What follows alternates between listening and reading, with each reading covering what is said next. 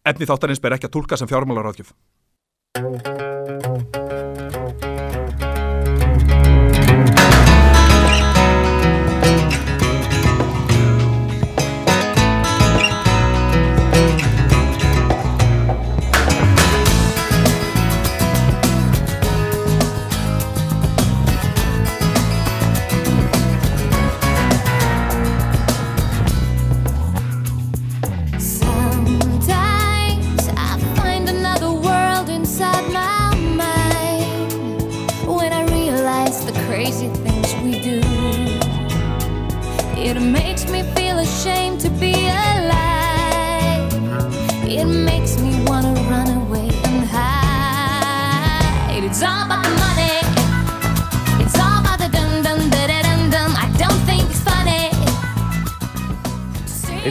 About the money, fjárfesting skemmtið áttur um fjármálinn, við erum hér á Þorláksmessu, hvorki meira nefnina, eða við erum eiginlega ekki hérna á Þorláksmessu, ég er að ljúa þegar ég segja við séum hérna á, á Þorláksmessu. Já, það er áhugavert að þú segja það í að þegar hlustendur heyra þessi orð er Þorláksmessa, messa heilags Þorláks Já. og kannski er skötulikt allt um líkjandi en núna er hins vegar dagurinn fyrir Þorláksmessu. Já, í dag er dagurinn eftir vetrasólstöður, Já. það er að segja 22.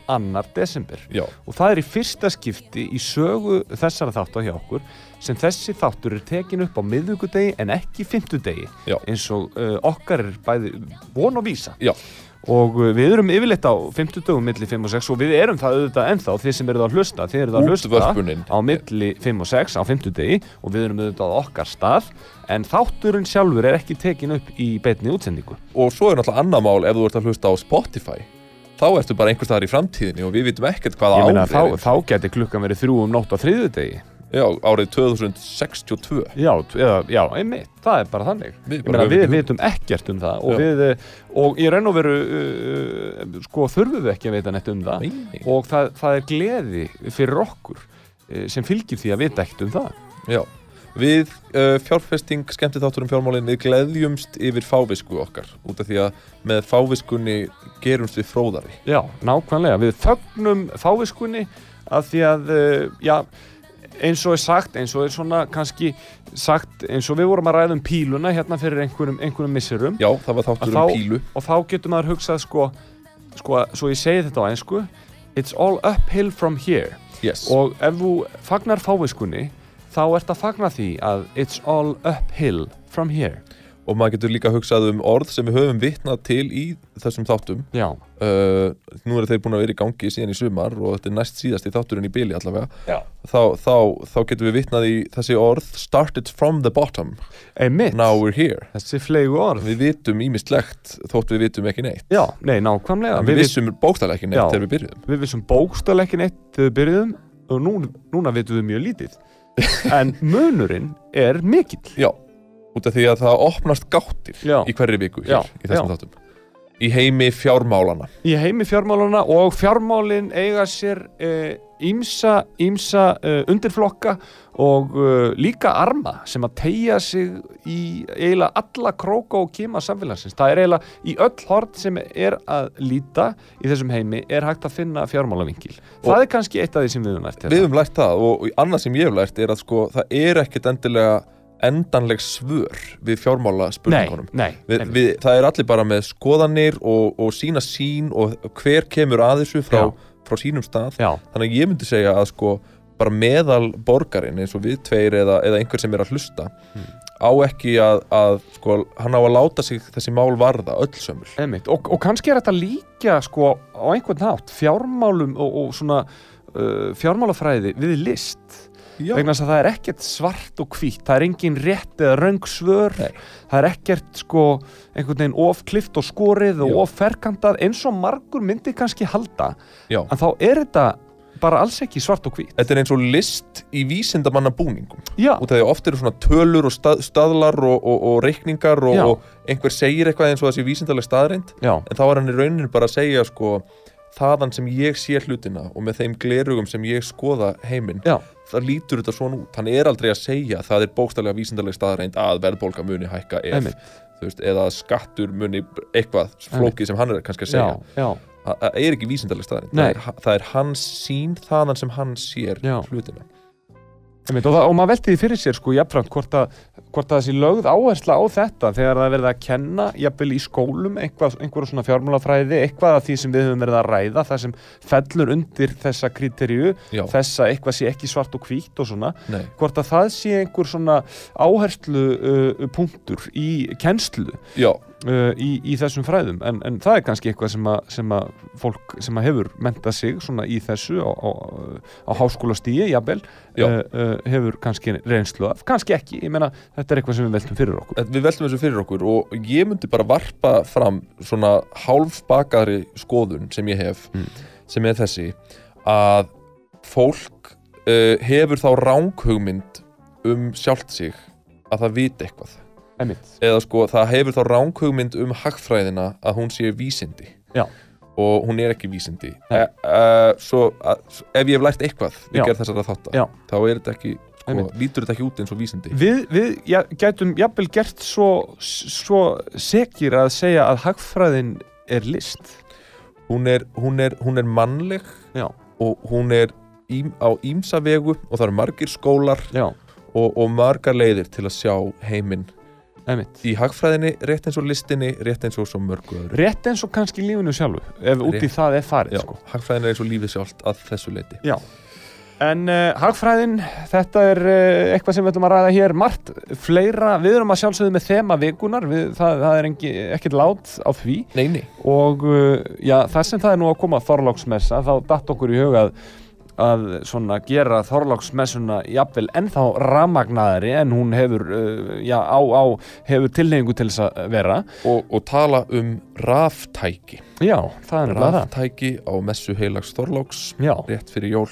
Já, margir eflust að hugsa hvað eigi að fara í pakkan ef þeir eru ekki búnir að pakka honum Já, já, ég meina margir sem að gefa líka ráftæki í pakkan og það, það við, við leiðum okkur að fullir það að ráftæki er að fara að rata í mjög marga jólapakka þessi jólin Já. sem á mörg síðustu jól, sem á mörg næstu jól þannig að er, uh, uh, það eru margir vinklar þarna Já. og við fáum, uh, já, gott fólk, við fáum gott fólk á línuna til okkar, við ætlum að passa aftur upp á, upp á uh, þessar uh, takmarkanir og við ætlum Já. að reyna svona að, að vera nota ekki að fá Já, erum ekki að fá fólki í, í stúdíu til okkar þegar að við búum við þessa óvissu. Ég verður með pistil. Já, Pistil er eftir sjálfan pistil frá Matti Það er langt síðan, Matti, Matti, það er langt síðan þú verið með pistil. Já, ég mjög, hlakka mjög til að, að, frum, að þessi pistill verði frum fluttur Já, hér já. á öldum ljósvakans. Og ég veit að hann, hann skilaði til mín hann Magnús Skúlason uh, uh, Magisteri, Já. vin, vinnur okkar. Kant Mag. Já, að hann, hann hérna hann saði ég bara, veistu það, ég er stoltur að því að veita pislakefli mitt til, hún, til hans Mattiasar vegna þess Ég að fæ pislakeplið lánað frá Magnúsi. já, eins sprengmentaður og, og skarpur og hann Já, er þá já. er hann bara að gera annað já, í þessari viku Það er nefnilega það. Og við erum auðvitað á Spotify svona, við erum búin að koma þess inn á það og, og, og það, það er líka bara um, um, alltaf ástæða til að minna á það. Því sláið bara inn fjárfesting í leitargluggan á Spotify og þarna erum við félagarnir.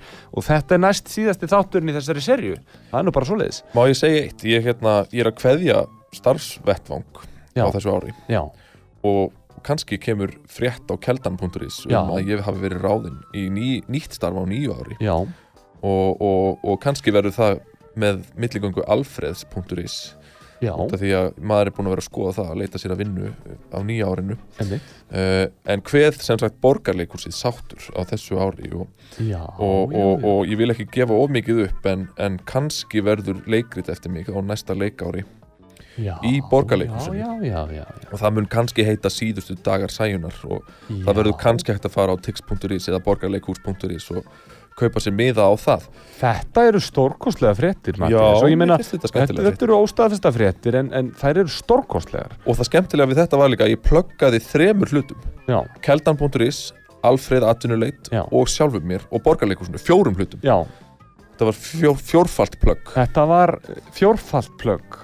Og, og uh, það, það er náttúrulega meira hattar að, að, að, uh, að þetta sé að fara svona. Og ég meina það ætti náttúrulega kannski að koma önnur frétt á keldunni það sem að, sem að við tveir erum að já, svona kannski fara í tímabindi leiði hér frá útarpi sögu. Já. af því að uh, þættirnir uh, fjárfesting uh, eru svona að í, sko, við, við, við getum sagt fyrsta serían af þáttunum fjárfesting hér út af besögu Henni er senn að ljúka. Senn að ljúka. Þetta er næst síðasti þáttur 22 þáttaserja og, og, og uh, það ætti nú að skrifa um þetta á kjældunni og, Já. og það er aldrei að vita nema, nema það komi einhver stórfrétt uh, þessi efnis þangað inn einhver tíman á, á næstu misserum. Jafnvel um seríu 2 Nei, við vitum það ekki. Við vitum ekki hvað nýtt ár ber í skauti Já, sér og við en- ætlum ekki að segja neitt. Nei, það er líka, að það, er langt best að segja ekki neitt þegar að, svona, menn er að velta fyrir sér ný Nákvæmlega. það verður bara tíminn að fá leið í ljós og þið verður bara að býða eftir því. En eitt er óbreytt og það er að viðskipta fyrirsagnir vikunar er á sínum stað hér í þessum þætti okkar er von á vísa uh, viðskipta fyrir sagnir vikunar með og heyri ykkur? Viðskipta fyrirsagnir vikunar Já, uh, Jens Þórðarsson hefur verið ráðinn framkvæmdastjóri Geo Salmo sem áformar uppbyggingu landeldis á Laxi. Við óskum Jens til hamingju með ráðninguna. Uh, Bryndís Ragnar Hákonardóttir hefur verið ráðinn markastjóri hjá Æsver óskum henni líka til hamingju. Nú, uh, hér er uh, fyrirsögn á viðskiptablaðinu sem við fundum með þetta á keldunni.is og smeltum á meira og þá fer með á vef viðskiptablaðsins og það er stendur 3,7 miljardar hagnaður sem er mikill peningur. Eggjakvíta EHF, fjárfestingafélag lagseldismannsins Guðmundar Gíslasonar hagnaðist um 23,9 miljónir evra eftir skatt á síðasta ári. Og þá spyr ég mig, er það á árunni sem er nú að líða eða í fyrra?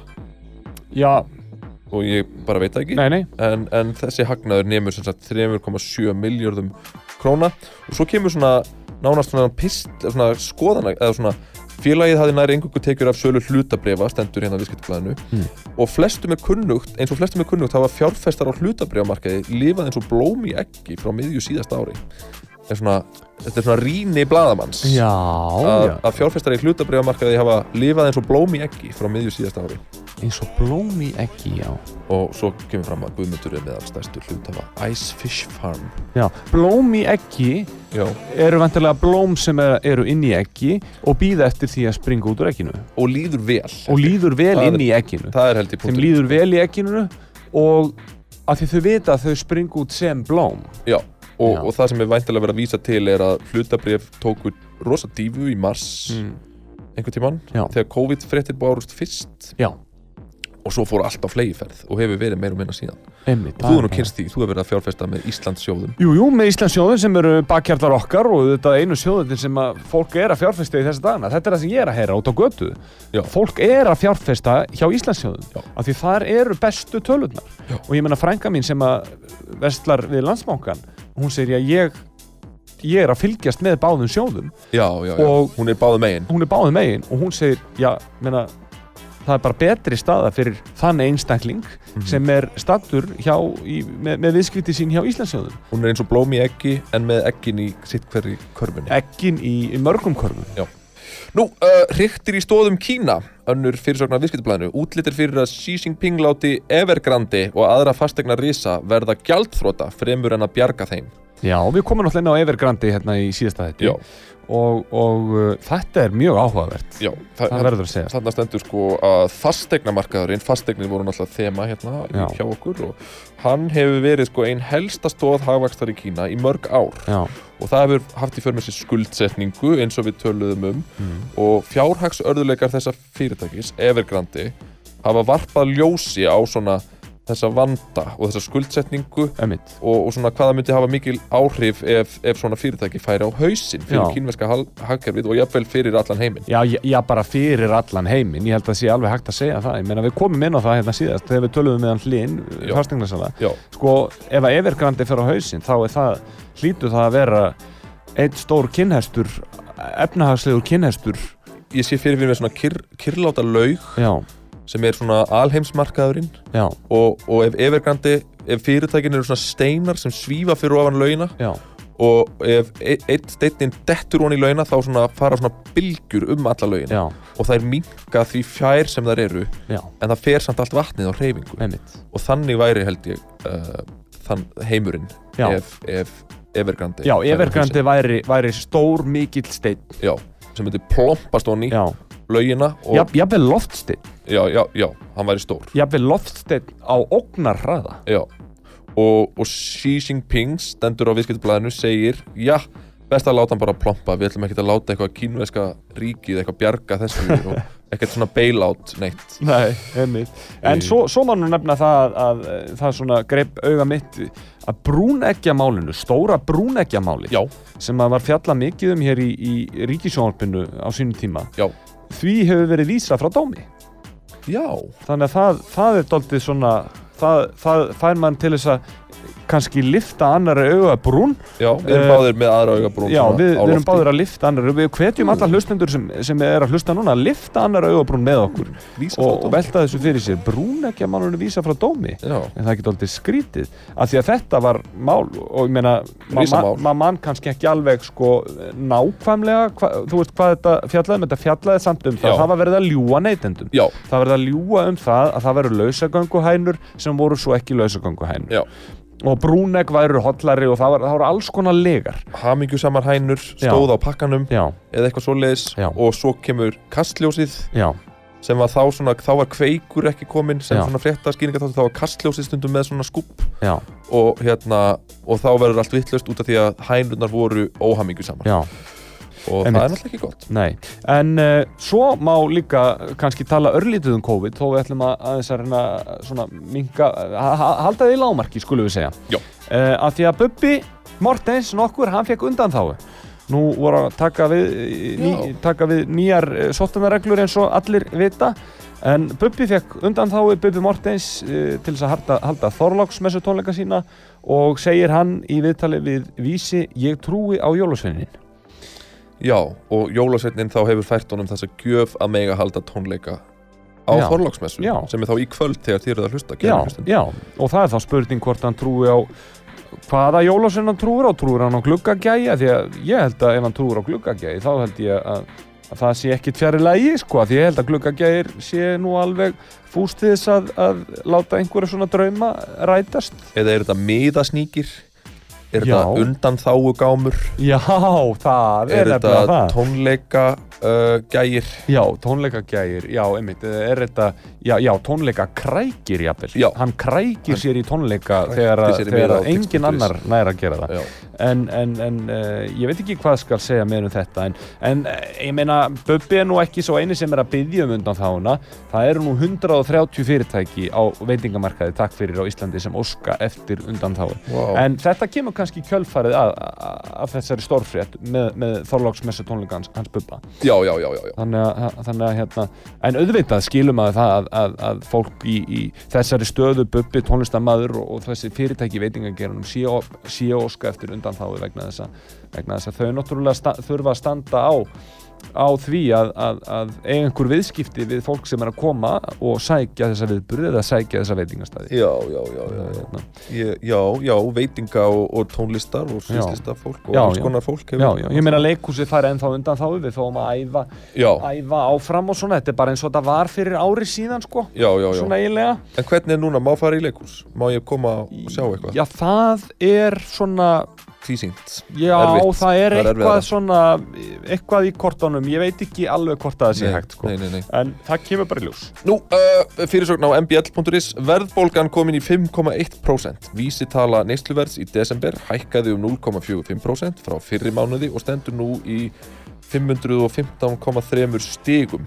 Ég veit ekki hvað þessi stig þýða en þau eru væntalega bara notuð til að mæla hvað það er dýrt að kaupa í matinn og vera til, ne neytandi Já, og mælist ársverðbólgan nú 5,1% en var í síðasta mánuði 4,8% þannig að þetta er einhver munur. Já, og hérna þarna kemur inn að hérna það er búið að hækka verð á mat og ver, hækka sko það er sko búið að auk, það er búið að aukast kostnaður við það að búa í ein húsnæði og fleiri þættir sem hafa áhrif á, á þessar vísitölur allar saman og, já og verð, það, er verðbólga í það er landinu. verðbólga Það, það, það er verðbólga núna það er fréttin. Já, einmitt. Og hérna Herru, við ætlum að ringja símtal, Mattias. Já. Við ætlum að tala við, að því að við erum að tala um raftæki. Já. Nú erum við búin að leggja viðskipta fyrir svona vikuna til hliðar já, svona allavega þeim lið er í lokið dag. Við, Hann var langur í dag en, en enda stutt í jólinn og, og það er á næga að taka Já. En við ætlum að ræða raftæki. Já. Og við ætlum að heyra í henni Jónínu.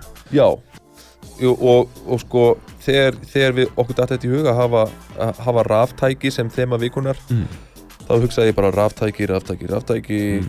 viðmælandi, viðmælandi, viðmælandi Mhm. fór inn á vísindavefin Mhm. og, og skrifaði raftæki í leitarklukkan á vísindavefnum og þá er Jónína titluð fyrir alls konar svörum og hún er geislafræðingur uh, er það ekki rétt, Jónína ert þú á línunni? Jú, ég er. Kontu sæl og Jónina geislavæðingur. Vertu velkomin hér með rafrænum hætti í þennan uh, skemmti þáttum fjármálin, Jónina Ertu kannski að tala við okkur í gegnum raftæki? Já, reyndar. Já, það er nefnilega það, Það við er erum að alveg fjalla um raftækinn í dag þannig að það er kannski tilviljun, merkileg tilviljun að, að, að, að Já, þetta sé raunin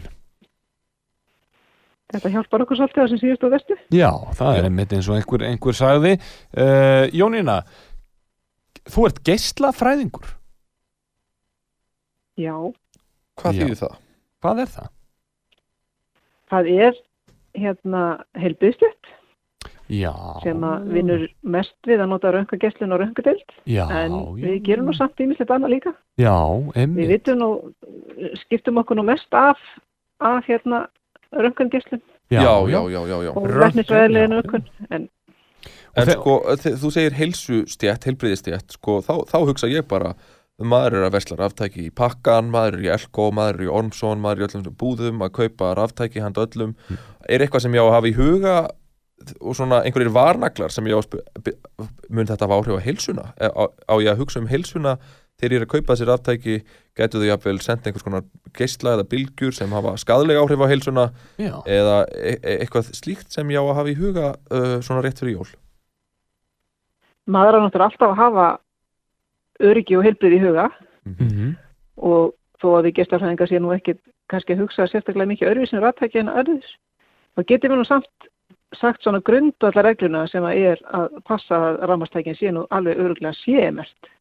Sé Það er það sem já. að tryggir okkur einna mest. Já, sé emert og, og hvernig getum við séð það eins og hvernig getum við séð það ef iPhone-u minn er sé emertur Það á að vera hægt að finna á honum þetta merki. Þetta er ekki skamstum þetta merki, þetta er bara tákn sem hefur þessa bókstafi C og E Já, Já. og það á að vera hægt að finna þetta á vörunni eða að minnstu kosti þá á fylgjagögnunum eða ekki á vörunni sjálfri. Já, e- já, já, já, maður hefur séð þetta merki Þetta er sé og e og þetta er svona svart og hvítt Þetta er alltaf við strikamerkið Jú, jú Er það ekki? Þetta er, er þetta þá á kannski pakningunni?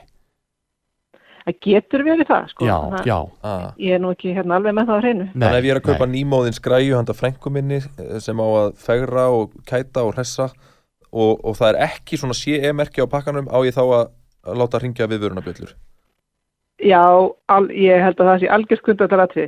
Það á ekki að vera hægt að kaupa rafmastæki á Íslandi nema þau séu CMR. Já, Það, það, það er hægt að panta alls konar frá útlöndum. Já, þetta er mest Já, svona í net, ok. netversluninni sem maður er að Það er svolítið Já. áhugavert og, Það hvað, er, og, það er hvað, meiri hægt að fara minnst og hvaða skaðsemi er það þá, Jónína sem, a, sem að er þarna eh, sem, sem að er uh, möguleg þegar, að- þegar að vörur eru ekki mertar Já, það er náttúrulega alls konar. Já. En mér dettur nú bara í huga því við erum til dæmis stundum að tala um rafsegubylgjur.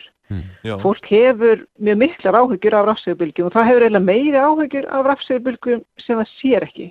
mm. já, sem að- maður skilur alveg vegna þess að það er, maður skilur ekki alveg það sem maður, maður sér ekki og þess vegna getur maður haft meira áhyggjur að því það sé að valda manni skada Já.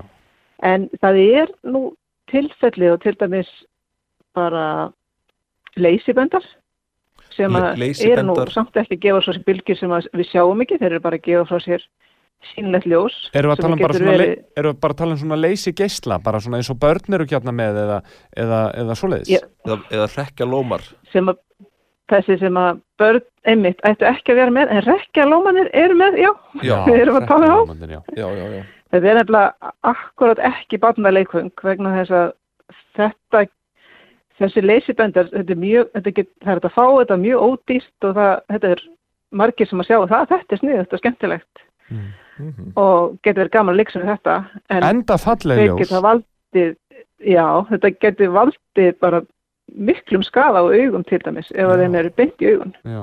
já, já, já. og Börn þá með verð ég nú eiginlega að segja Já, að hérna, jafn, jafnvel þó þið séu síðan mest sko, Það þýðir nefnilega bara að það er örugt ef það er rétt farið með það. já, Af því að þeir geta verið síðemestir.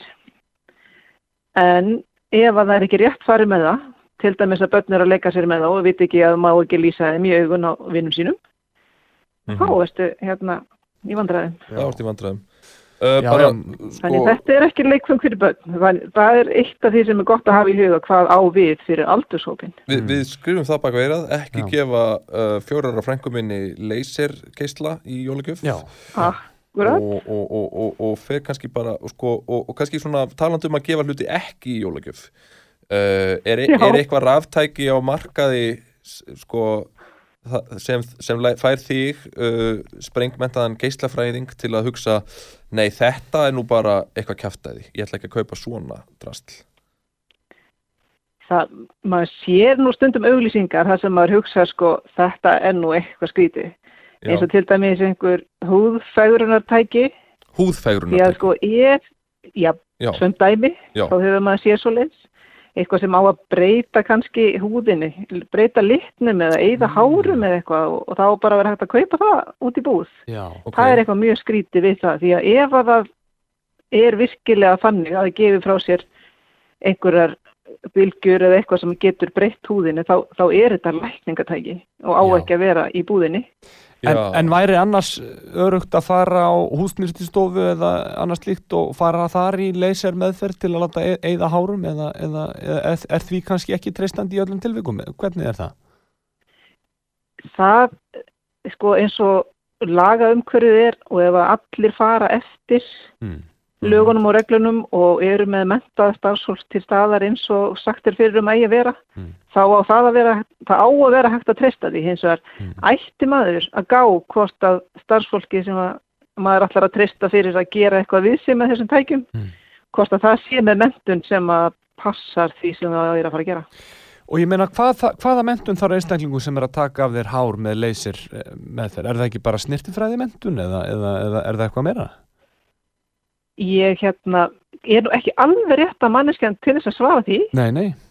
en, en hérna að minnst að kosti einhver mentun á þessu sviði Já. eins og til dæmis nýstifræði mentun Já. eða læknisræði mentun. Já, það Það bara- held ég að ég að duga sko en ég, ég fór ekki alveg að, ég hef ekki kynnt mér nógu vel nákvæmlega fram á hvað er farið. Nei, nei, við erum enda komin En það, hérna- það að- hlýtur að þurfa að vera einhver mentun til staðar. Það er Já. kannski svona, maður myndi byrja á því að gáa því. Maður myndi byrja á því, það væri svona fyrsta skrefið. Það er ekki, ekki nógu að hafa bara hérna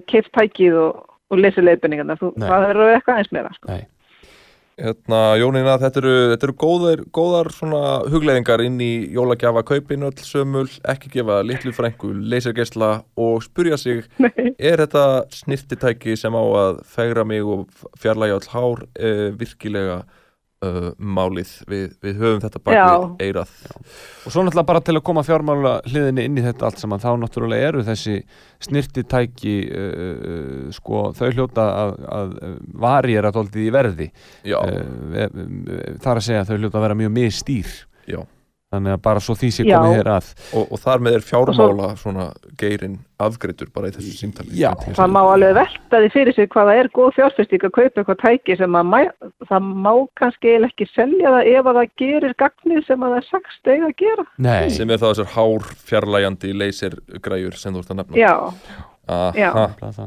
En svo, svo er náttúrulega líka bara, það svo, það mögulega. bara svona rétt í lokinu núna. Það er líka verið að notast við leysir í, í, í tann, tannhelsu, uh, svona tannhelsunni.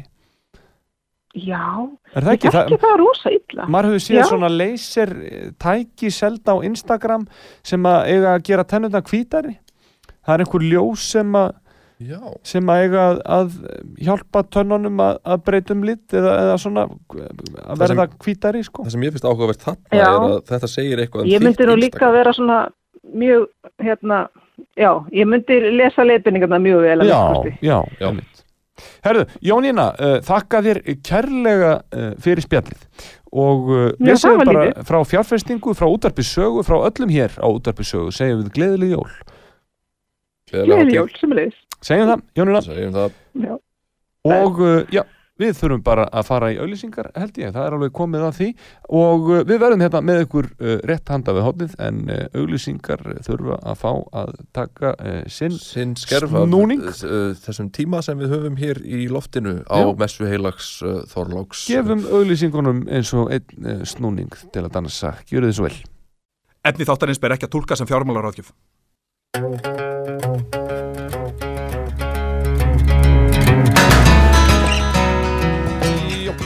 Já, það er fjárfesting skemmti þáttur um fjármálin sem heilsar á messu heilags Þorláks og Mikið rétt. uh, já, við erum hér í gær að tala við ykkur í dag út af því að þetta er fyrirfram upptekinn þáttur. Já, og við kætumst yfir því að geta gert það og sendt þar með Davíð tæknumann í jólafrí þegar já. hann er búinn að uh, græja þennan þátt fyrir okkur og, og gleðjast með okkur. Jú, uh, við erum að ræða ráftæki og uh, við uh, vorum að ræða hér áðan við hana Jónínu geislafræðing sem segir ekki gefa lasergeisla í, til barna Nei, en uh, við ætlum að núna að, að ræða uh, við annan viðmælanda um ráftæki Já. Þetta er hann Baldvin Daði uh, Baldvin, ert þú uh, á línunni? Ég er hér. Þú ert hér, blessaður og Sæll, Baldvin, Baldvin. Daði Ómarsson, er það rétt, rétt hjá mér? Já, Já, blessaður og sæll Baldvin, vel, vertu velkomin hér í þáttin með rafrænum hætti uh, Við erum auðvitað að passa upp á, upp á allar uh, takmarkanir og svona, erum ekki að fá fólki í stúdíóið uh, þegar, við, þegar við svona getum, getum slefti á þessum, þessum viðsjár verðu tímum en, en uh, Baldvin, já, við kjósum nú bara að kalla þig ráftækja mestara, hvernig, hvernig líst þér á þann titil? það er geggjaði titill. Er það ekki? Viðeigandi. Já, og, og sko Baldvin, ég hitti þið nú fyrir, fyrir einhverjum missunum síðan þar sem að eh, við rættum aðeins saman um, um það sem ég fannst svo áhugavert við vorum að ræða saman um sko svona endingatíma á, á ráftækjum og, og, og, Ok. og við vorum að tala um svona uh, það að, að jafnvel ráftæki sem voru framleitt hérna á árum áður fyrir kannski einhverjum áratugum síðan um, höfðu sko miklu betri og lengri endingatíma heldur en ráftæki sem eru framleitt kannski í dag og síðustu, síðustu ár einmitt hvað, Það passa vel. já og hvað getur þú sagt Það okkur eitthvað um, um, um, um, um þetta og hvað, hvað skýrir þetta eiginlega? Já, uh, ég minni nú að við höfum verið að ræða þvottavælar þegar þú komst. Já, já, já, við vorum að ræða uppþóttavélar, já. Ok, uh, þegar, þegar að í gamla daga, ég meit, voru ráftæki mikið meira bara sem sagt, mekanísk. Mm. Sem sagt, eins og gýrar og svo leiðis. Og gýrar eru slitsterkari heldur en tölfur sem að eru megin partur af ráftækjum í dag. Mm tala um og analóg eða og digital. Já, akkurat. Og skenjarar og, og svona, það hjálpar til við að- að að gera þvottin falleri og, Mhm. og betri og, og hraðari að þvó en á sama tíma þá getur þetta bila frekar og Já. hefur minni endingatíma. Já, Þannig að basic, þú ert í raunin að segja að nú með flóknari tækni og rafvættari heimi þá er bara fleira sem getur klikkað Akkurat. Já. En, en það hefur einhver svona fyrirtæki dottið það í huga að- koma inn á markað með, sko, inn á, inn á þennan ráttækjamarkað nútímans, já, með það að markmið að, að sko, að jafnvel framleiða þvottavélar sem eru þá kannski ekki uh, með svona þessari tölvutækni heldur með annari tækni en eru þar leðandi mun endingameiri Uh, ég hef ekki svo sem heyrt um það en þá værir þú að fara þá uh, væntalega mörg ára aftur í tíman í líka þvottatækni skilur. Já, já, Já. Ef þið væri fara í það skilur. já, emmitt En svo spyr maður sér líka bara sko með svona neyslu venjur og, og, og, og líftíma ráftækja skiluru hérna, e- e- er endingartími eitthvað sem fyrirtæki er að flagga þú veist, er þetta ekki allt bara meiri hraði, meiri gæði meiri uh, ódýrara Sko. dót þú veist, er, er, segir þetta eitthvað um svona viðhorf fyrirtækja og neytenda til endingartíma Það gerir það sko. Uh, fyrirtæki eins og Míle í, í þvottalabransanum eru mjög þekkt mm. sem mjög slitsterkar velar Mhm. en Míle. þá ertu líka að greiða fyrir það þú Já. borga meira fyrir hana Já, og Já. færðu þá í staðinn aðeins fleiri þvotta já, já, og, og er þá ábyrðatíminn líka lengri á, á, á, á þeim, þeim vélum? Það fer algjörlega eftir fyrirtækinu sem að, er aftaka fyrirtækinu sem að er að selja ráttækin Já.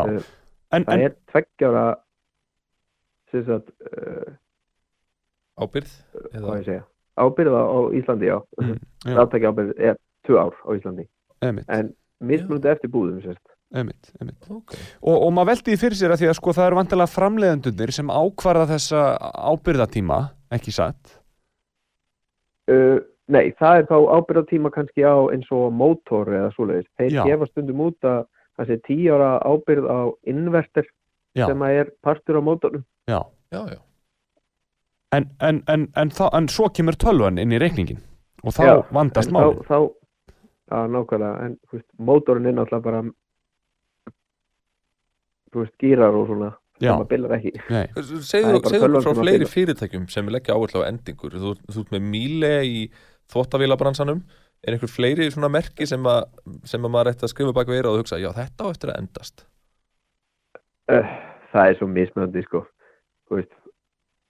Uh, Þá getur snúið ertu við að kaupa endingatíma, stundum ertu að kaupa, það er líka hvar þú ætlar að, að, fara á, á línuna, skilur, þú getur, gæti verið að kaupa þér hátalara sem að á að endast kannski í 40 ár. Já, stundum kaupir við hátalara sem er bara uh, hvað ég segja uh, eins og Bang Olufsen það, á að vera rosalega flott merki mm. aha, uh, en þú getur selt Bang Olufsen í dag eldgamalt Bang Olufsen með eldri tækni á, á fullt af pening Mm. og Já. það virkar ennþá en á sama tíma er kannski ekki Wi-Fi þú veist, hægt að setja Wi-Fi í, í blöð, gamla blöðinspilarinn skilju nei, nei Já, Þannig- já, einmitt og þá myndi ég spyrja mig þarf ég að setja wifi í Já, já, já. Þetta er það sem ég þarf að vega og meta Já, já, maður þarf að vega, vega og mynda það. En, en, en ef við, að því að við vorum að tala um, um, um uppþóttavélar uh, Baldvin, og þá, þá svona kom, Já. það kom mér svolítið á óvart að, að sko, kom mér svolítið í opna skjöldu að, að ábyrða tímin á uppþóttavélum, hann er ekki nema tvö, tvö ár, tvö, ár, Tvö ár, kannski. Já. Og, og, og þetta kannski eh, kann að koma einhverjum á óvart uh, að því að uppþóttavél er, er náttúrulega grepur sem að sem að svona hinn venjulegi maður mun ekki vilja skipta út eða skipta um á tveggjar og fresti. Ég held að það sé nú alveg, Nei, alveg óhætt að segja það. Þannig þannig að hérna eh, en er það, er það hátíðni bílana sem gerir það að verkum að þessi ábyrðatími er svona, er svona stuttur eða, eða, hvað, hvað Þetta er neytandastofa sem að setja þessar reglur. Uh, Mm. og svo er það bara fyrirtækin sem ákveða ef þeir komast upp náttúrulega með að hafa tvö ár þá gera flest fyrirtæki það. Ég, held, ég veit ekki um ég held að húsasmiðan með uh, uh, þrjú eða fjögur ár á þvottavilum sko. Mm. það er til dæmis þrjú ár í Ormsson á uh, já, já, uh, en þá er ég komin aftur í þvottavilar en í uppþvottavilunum ég, ég veit ekki til þess að, að það sé meira heldur en tvö ár. Nei, og þá er það bara Ormsson sem segir já við þurfum nú bara að gefa tveggjára ábyrð en við treystum þessum AEG-vélum það vel að við ákveðum að setja þryggjára ábyrð er það að segja að þetta sé uh, ekki já, eins? nákvæmlega, þannig að þannig sko. Þannig að, þannig að fyrir þá hlustendur sem er að, er að hlusta á þetta og hugsa, veistu að ég vil ekki fá tveggjára ábyrð á mínu uppþóttavél, ég vil fá tíjára ábyrð þá, þá gætu við í raun og verið sagt við, við þann einstaklingi að þá verður þú bara að fara að vaska upp, vinnu minn. Eða sætta það við Já, akkurat. ábyrð á AEG-vél hjá Já, Ormsson já, já, já. Eða já, einmitt, að fá, fá þessi þrjú ár já, já, já og, og þetta náttúrulega stafar af því að, að, að tölvurnar eru það sem að sem að er verið að í raun og veru það er, það er þær sem að sem að gera þetta að verkum að því að tölvurnar geta bilað uh, menn hafa ekki ágjör á mótornum heldur hafa þeir ágjör af tölvunum inn í, inn í vélunum. Svo er svo mismunandi nótkunnin á milli þú veist uh, kaupenda eða notenda. Já, það, þú getur rústa einni vél á á einu ári það er ekkert mál. Nei, nei, akkurat já, þú, og, og hvernig þá, hvernig þá bara með, þú getur verið að nota hana allan sólaðingin í tvö ár til dæmis. Já, eða eitt ár eða eitthvað og, emmitt, já, og þrýfur hann ekki og það er alltaf þvottatæki sem maður þarf að þrýfa líka. Já, emmitt, já, emmitt, já, já, já, já, já. já, já, já, já, það þetta er almennt viðhald skilur já, þetta er nú sérdilis áhugavert, en, en hvað eins og með, bara að því að við erum að ræða henni ymsu ráttæki, hvað með eins og leikjatölfur, er, er yfir höfuð einhver ábyrðatími á, á, á leikjatölfum? Já, öllum ráftækjum bara Öllum alveg raftækjum sama, ef það er ráftæki á Íslandi þá er tvö ár Já, tvö Gefur- ár, öllum ráftækjum, já, það er nefnilega það. meiri segja á lasergeisla bendum já, ef Já. að ef það notar ef það notar rafmagn þá, þá er það hannig já, ok, já, þetta já. vissi ég ekki En ég minna, nota rafmagn, sko, er allt sem að ég kaupi og stingi í samband til þess að uh, nota, er það ráftæki? Ég myndi segja það já. Ég þekki ekki alveg 100% reglunar hjá neytundastofu En, hva, en hvað getur við þá sagt um sko hrærivélarnar frægu? sko. Já, hvað getur við sagt um hrærivélarnar frægu? Uh, uh, þessar KitchenAid hrærivélar sem, sem að margir eiga og eru vinsælar á mörgum heimilum en, en margir tala um að KitchenAid sé lífstíðar eign og einhver, einhver hefur nú sagt það einhver tíman að, að KitchenAid hrærivélar séu með lifetime warranty ég get ekki að sagt ykkur af, af hverju ef þið myndu taka coverið af eða sérst uh, utan af þessum vélum Já, og myndi sjá inn í það þá er þetta bara samansapn af gýrum já, þetta eru bara gýrar þetta eru bara járngýrar sem á snúast. Já, já. Það er ekkert Wi-Fi eða það sem Bluetooth neitt sem getur bilað já, já, nei. já, já, já. En þar eru við, þar eru við þá, þá samt sem áður með dæmi um ráftæki sem að hefur já, lengri ábyrð en þrjú ár svo, já, það, það hlýtur að vera. Já. Það er tveggjar ábyrð á því líka. Það er tveggjar ábyrð á því líka. Já, já. já, En, en, Já. en svona, svona neytandi sem fer vel með sína KitchenAid-vél Já. getur hugsað Nei, þetta verður lífstíðareik, það er ekkert Wi-Fi eða Bluetooth neitt sem getur já, bilað hér, þetta er bara já.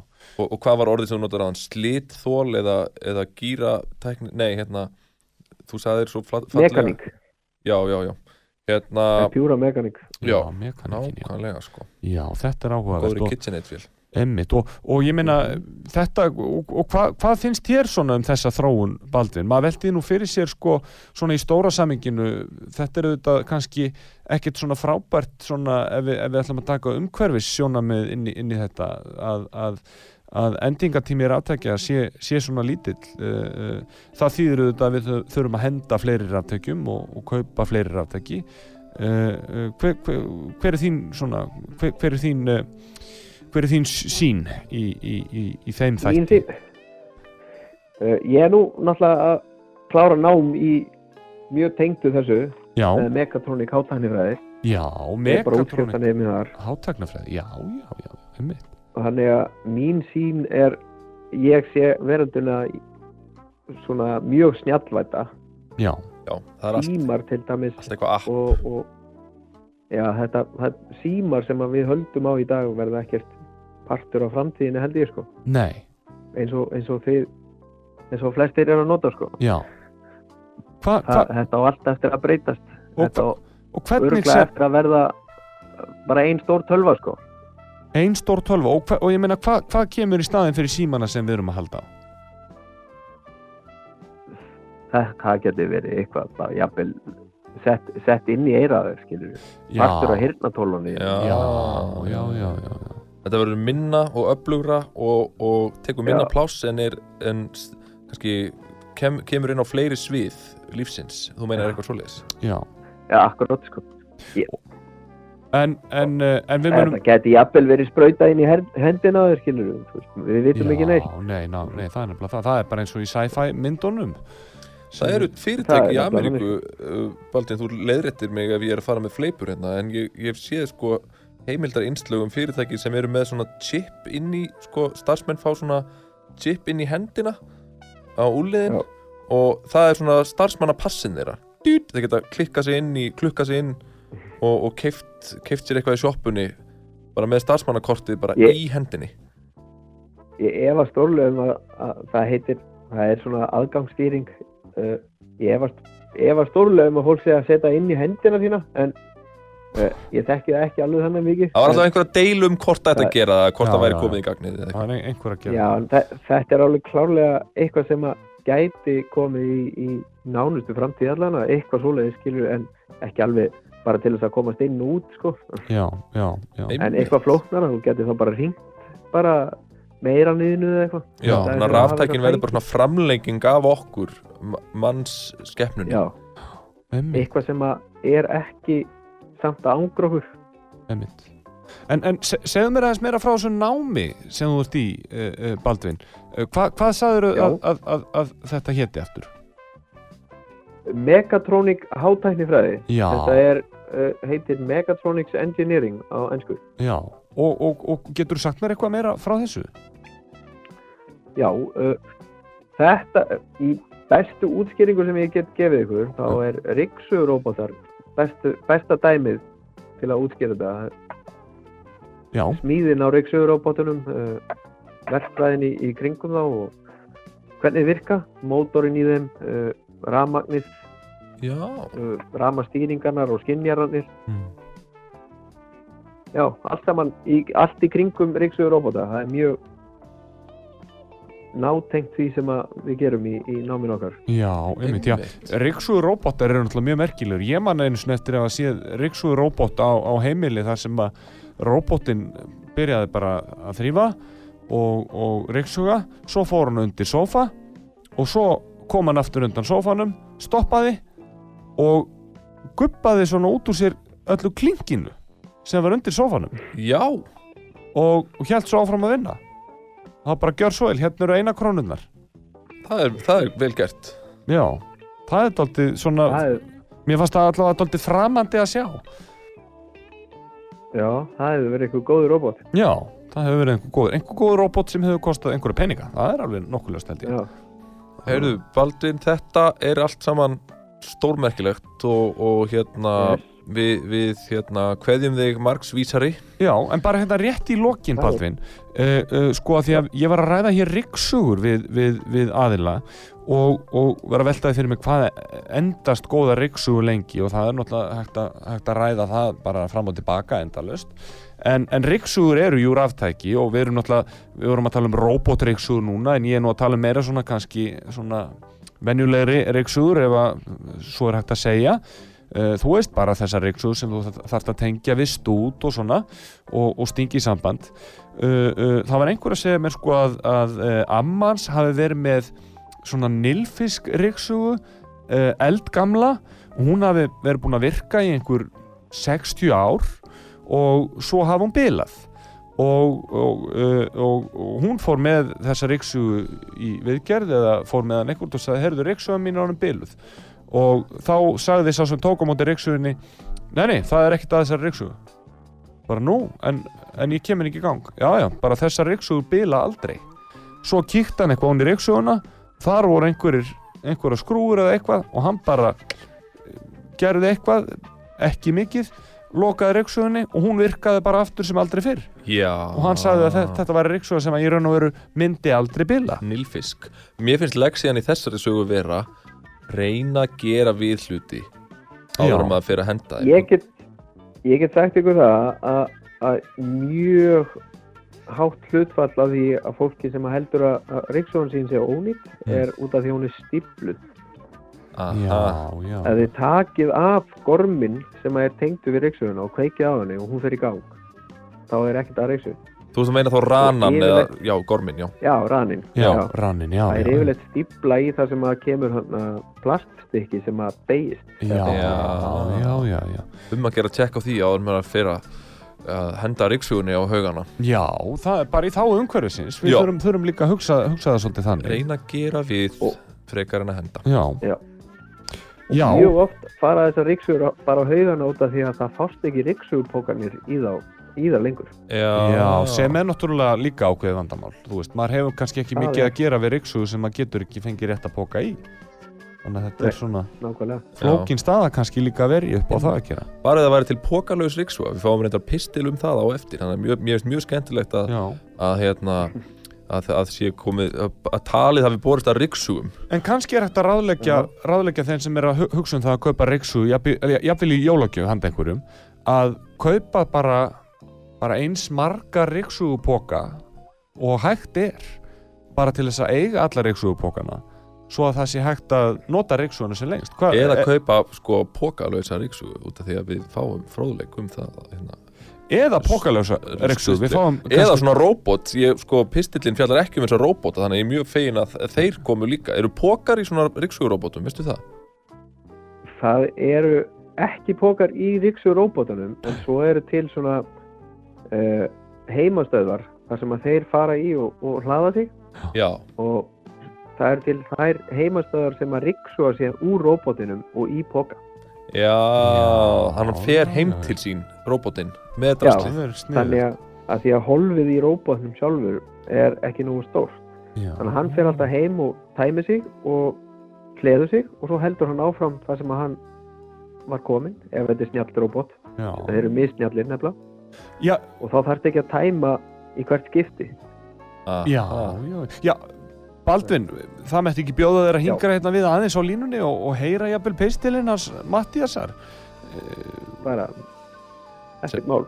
Já, frábært, er það ekki bara eh, það, gráu það finnst mér kjörið hérna, uh, þetta er pistill uh, um ríksugur og, og hérna kannski, kannski fræðumst við meira um þessi tæki og, og, og hlýðum á þennan pistil Já. uh, gjörið þið svo vel hlustendur Um uppfinningamannin Sir James Dyson og byltingarkend áhrif á ríksugumarkað Við erum stödd í Bandaríkjunum um miðbygg ásins 2002 Dotcom bólan svokallaða var búin að springa með geipinlegum afleiðingum en áhrif hennar væru þetta efni í heila serju. Og mitt í ringulreiðinni stígur auðmjúkur uppfinningamaður að nafni Sir James Dyson á ameríska grundu eftir langa siglingu frá heimaheraði sínu á Bretlandsegjum Norfolk. Þessi heimsókn Sir, Sir James Dyson til nýja heimsins átti eftir að gjörbreyta heiminum eins og hann leggur sig, heimi ryksugunar. Hvaðan kom þetta undrabarn? Hefði nokkurt gruna þegar hann nam lestur og reikning við Greshams barnaskólan í Holt í Norfolk á árunum 1956 til 1965 að það lengdist einn mesti uppfinningamaður okkar tíma. Peran kviknaði í 70-sinu, stuttu eftir að David Bowie gaf út plötuna Young Americans. Þetta var eitt af þessum fáu augnablikum í sögunni þar sem rétt manneskja á réttum stað segir Eureka eða Nú skil ég þetta. Það var þá sem Sir James Dyson tók eftir því að riksugan hans var stípluð. Margir kannast eflaust við að falast eftir tróðfullum kusk og ríkpoka og handfjalla hann með fílu svip en Sir James Dyson let ekki bjóða sér slíkt. Hann hafði þá nýverið notað verkfræði kunnáttu sína til að auka loftgæði í málningarverksmiðju og hugsaði gæti þessi tækni nýst mér við riksugugerð úrvarð fyrsta pókalausa riksugan. En snúum okkur aftur til ásins 2002. Nánast um leið og Sir James Dyson steg á þurrt land voru pókalausu Dyson rikssugurnar undrafljótt búnar að sölsa undir sig 15% af rikssugumarkaði Vestanhafs, markaði sem telur litla 520 miljardar íslenskra króna. Í dag könnumst við eflaust mörg við pókalausar, þráðlausar rikssugur að Dysonskri fyrirmynd og Newsweek telur að Sir James Dyson hafi loksins tekist að gera rikssuguna sexy. Við seljum það ekki dýrar en við keftum það. En svona varð auðmjúka heimilis riksugan sem hafði lítið breyst síðan snemma á 20. stöld að móðins tækni grip sem gerir lífið bæði létt og skemmtilegt. Hvað framtíðin ber í skauti sér á riksugumarkaði skal hins vegar ósagt látið. Þetta er Mattias Tryggvi fyrir útvarp sögu.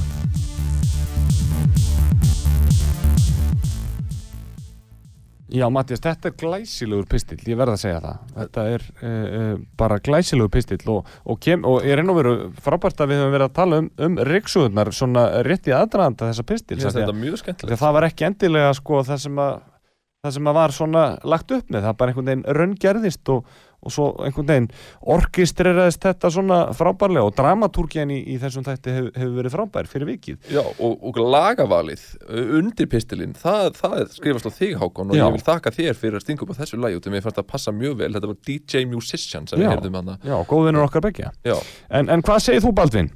Uh, hvað segir þú um, um, um, um þennan pistil? Þetta var frábær pistill. Svona Dyson riksugur er algjör snill. Þetta er svona riksugur prigg. Já, svona Já. riksu og það, ég, það ekkert að gjör breytti sko, minni upplifun að því að hafa reynt heima. Já, þetta, sko, maður bara grípur þetta og, og er búin að riksa á sko, engri stundu og þarf ekkert að pæla inn ennum póka nei, þetta er dýrt en þetta gerir leiðilegt starf skemmtilegt. Já, einmitt. Allir sem eiga börn og, og eru að kokka eitthvað í eldhúsinu Já. ættu að hafa svona nálat eldsinu sín það er bara þannig. Aha. hér eru við mann sem að uh, Mattias, við erum hér með mann uh, sem er þú, sem að ég hefur verið að kokka á rækjutógara Já, og leiðust mér að segja eh, einhver, einhver, einhver hefur einhver hefur rætt það að það sé kannski já, kannski hugmynda það sé jafnvel barn í kortónum eða, eða hvað já, ég, já, við höfum ekki greint frá því ópenbarlega nei, hinga til, en jú, það, ég er verðandi faðir og, og hérna, hlaka til að riksu upp Seriós uh, milsnur með Dyson riksugunni minni. Já, ég, ég vona þú fyrirgefið mig Mattias eh, fyrir, að- fyrir, að- fyrir að segja það. En- ég tekur sem sem fagnaðarefni. Já, já, já, já, já, frábært. Ég meina Mattias að fjölga sér veist, það er það sem ég vil. Já. það er það sem ég vil að hlustendur heyra og við erum, það er þorláksmessa það er þorláksmessa fyrir það sem er að hlusta og, og þetta er lítill þorláksmessu glæðningur uh, fyrir, fyrir hlustendur. Þið heyrðu það fyrst hér á útvarpi sögu. Já. Ég er að verða pappi, alveg hár rétt. Já. En, en uh, Baldvin, það var uh, æðislegt að að spjalla við þig. Uh, uh, einhver, einhver, einhver loka orð Baldvin, svona til okkar rétt áður en við sleppið ég er lóskonum til hamingi með að vera pappi allavega. Já, Já, takk fyrir það og svona fyrir, svo við snúum aðteglina að hlustendum sko, hvort þegar er að kaupa sér Riksugu robot eða Dyson Riksugu sko það er til Dyson Rixur sem að líta út eða sérst, Rixur Prik frá fleiri framleiðum sem eru mjög flottar. Ég mæli mig alltaf að skoða uh, reviews eða um Rixunar á netinu áður en þú ferð út í búð og kaupa þér Einmitt. En, en nú- er kannski ein loka spurning Baldvin til þín uh, segjum að þú sér stattur í húsasundi uh, og það er Já. maður sem meðar byssu á höfuð, við höfuð á þér og, og bara svo það komið fram þá er þetta aðstæður sem við vonum og viljum ekki að raungerist Nei, nei, þetta er bara síndar, síndar veruleiki Hugsanlegar aðstæður Já, hugsanlegar aðstæður, við erum bara í einhverjum öðrum, öðrum alheimi hérna. En það er maður, hann, hann miða byssu við höfuð á þér og hann segir Baldvin, nú þarf þú að greina frá því hvaða raftæki ég á að gefa konunum minni í jólagjöf og það má bara vera eitt raftæki og uh, þú þarf að vera nákvæmur, segir þessi maður. Uh, hvernig svarar þú svona einstaklingi?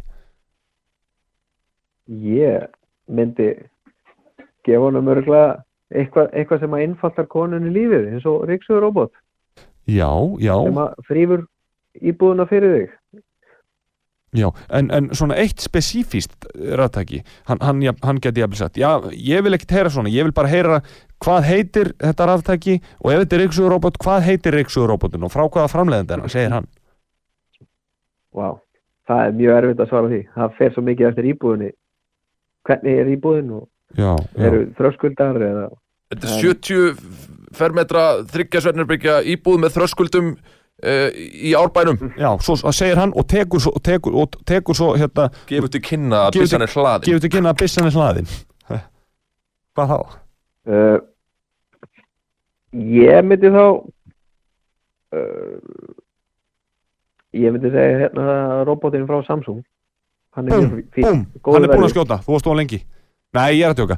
Uh, Samsung, Samsung, Riksugurobotin já, nú já. eða Dyson er líka uh, sá sem að ódýrari robotin frá Samsung. Það eru til tvær tegundir. Ódýrari róbótinn frá Samsung. Við ætlum að skrifa þetta hérna hjá okkur. þarna hættan við að skjóta. Það notar þarna, svona lætar sensor.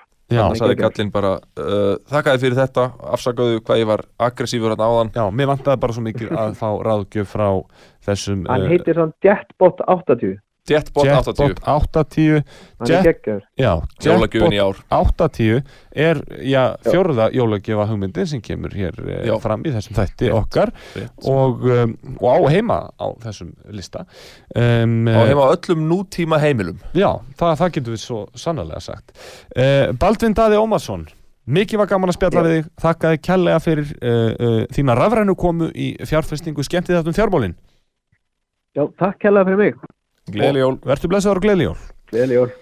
Já, við erum auðvitað hérna ennþá með ykkur og uh, já, við ætlum svona hvað ykkur uh, hvað og hverju en uh, við viljum nú fá lag.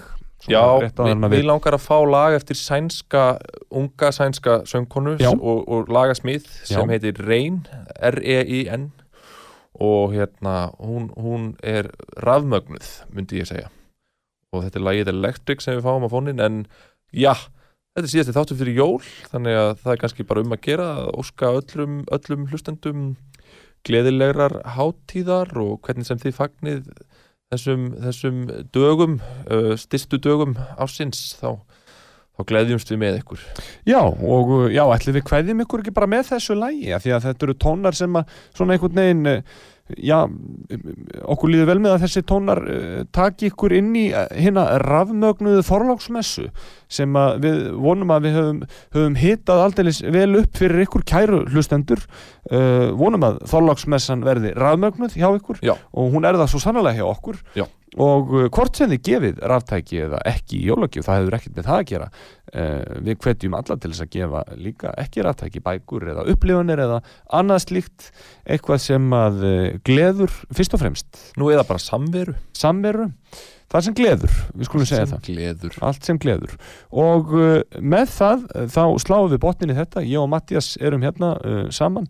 Og ætlum að þakka kærlega fyrir okkur eitt þáttur eftir í þessari seríu, það verður loka þáttur Já. og uh, þar munum við nú bralla eitthvað skemmtilegt, við getum allavega að lofa ykkur því. Og uh, við hlökkum svo sannlega mikið til. Og segjum bara gleðileg jól. Gleðileg og ég segi jól. við þig Mattias, gleðileg jól. Gleðileg jól Hákon minn, þetta er búið að vera mjög skemmtileg rússíbana reið hérna. uh, þetta haustið og þennan veturinn já og hlakka til að klára hana með stæl hérna í næstu viku Já, við heyrum í ykkur áður en að nýja árið gengur í garð. já, já, já, Þannig að þangað til næst segjum við einfallega verið þið sæl. verið sæl.